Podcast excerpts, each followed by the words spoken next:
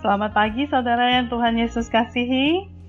Senang sekali pagi hari ini kita kembali boleh bersama-sama dipertemukan lewat renungan kristalku pada hari ini. Mari kita bersama-sama siapkan hati kita untuk membaca dan merenungkan firman Tuhan. Mari kita berdoa. Tuhan Yesus kami bersyukur untuk segala kasih dan kebaikan-Mu, pemeliharaanmu, atas kehidupan setiap kami, pribadi lepas pribadi, bahkan keluarga kami. Tuhan, pada saat ini kami sudah siap bersama-sama akan membaca dan merenungkan firman-Mu. Tuhan, kuasailah setiap kami dan berbicaralah kepada kami, sebab kami sudah siap. Demi nama Tuhan Yesus, kami sudah berdoa. Amin. Saudara pembacaan firman Tuhan pada hari ini dari Amsal pasal yang ke-8 ayat 8 sampai ayatnya yang ke-13 yang berbunyi demikian Segala perkataan mulutku adalah adil. Tidak ada yang belat-belit atau serong. Semuanya itu jelas bagi yang cerdas. Lurus bagi yang berpengetahuan. Terimalah didikanku, lebih daripada perak dan pengetahuan, lebih daripada emas pilihan. Karena hikmat lebih berharga daripada permata, apa pun yang diinginkan orang tidak dapat menyamainya. Aku, hikmat, tinggal bersama-sama dengan kecerdasan dan aku mendapat pengetahuan dan kebijaksanaan. Takut akan Tuhan ialah membenci kejahatan. Aku benci kepada kesombongan, kecongkakan, tingkah laku yang jahat, dan mulut yang penuh tipu muslihat. Sampai sejauh demikian pembacaan firman Tuhan.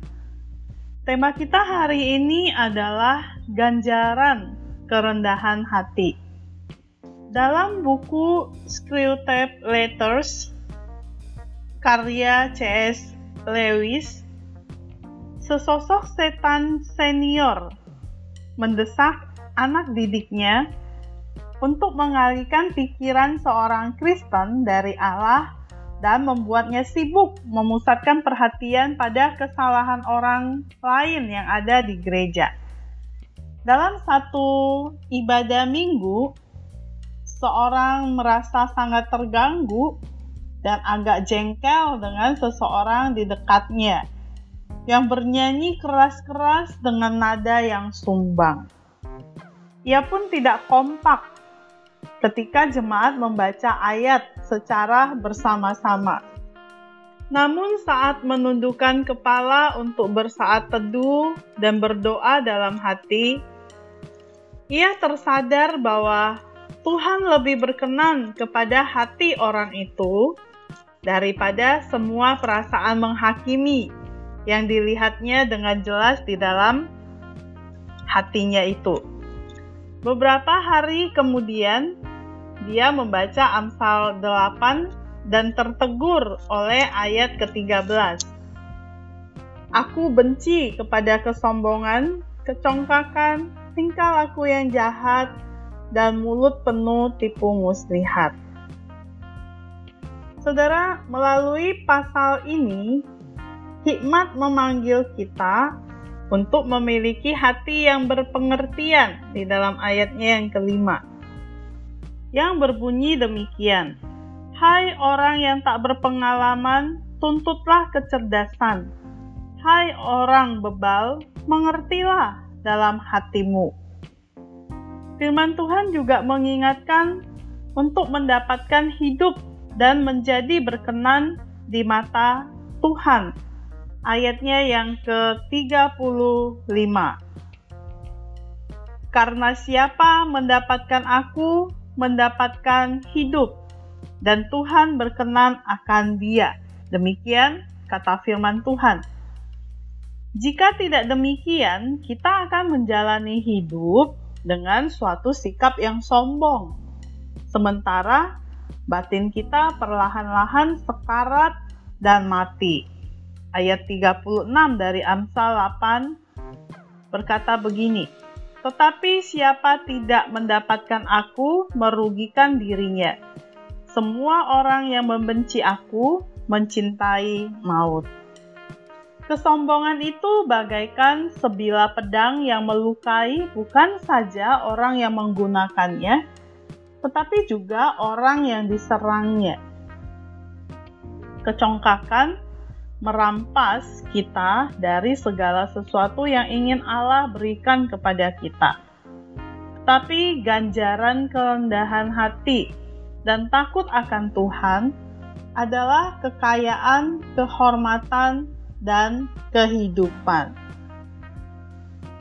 Saudara ingatlah ganjaran kerendahan hati dan takut akan Tuhan adalah hidup yang diperkenan Tuhan. Kiranya Tuhan dapati setiap kita memiliki hidup yang diperkenan olehnya.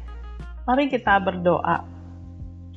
Bapa di dalam surga kami bersyukur hari ini kami boleh belajar firman Tuhan, kami boleh ditegur oleh Tuhan, yang sering kali dalam hati kami menyimpan uh, perasaan menghakimi orang lain yang mungkin tidak sesuai dengan standar kami. Uh, Tuhan kami berdoa, uh, Tuhan ampuni kami, karena kami tahu Tuhan benci kepada kesombongan, kecongkakan, tingkah laku yang jahat dan juga mulut yang penuh muslihat. Tuhan berikanlah kami hati yang berpengertian dan supaya kehidupan kami boleh berkenan di mata Tuhan. Kami boleh menjalani hidup kami dengan suatu sikap kerendahan hati supaya kami tidak melukai diri kami maupun orang-orang di sekeliling kami. Terima kasih Tuhan Yesus. Kami serahkan kehidupan kami hari ini, pimpin berkatilah dalam proses pembelajaran hari ini. Kami juga serahkan untuk orang tua yang bekerja. Tuhan berkatilah setiap usaha kerja, kerja keras yang diberikan. Kiranya Tuhan yang pimpin di dalam takut akan Tuhan boleh memperoleh hasil yang baik. Terima kasih Tuhan Yesus. Demi namamu kami sudah berdoa. Amin. Bersama Yesus, aku bisa.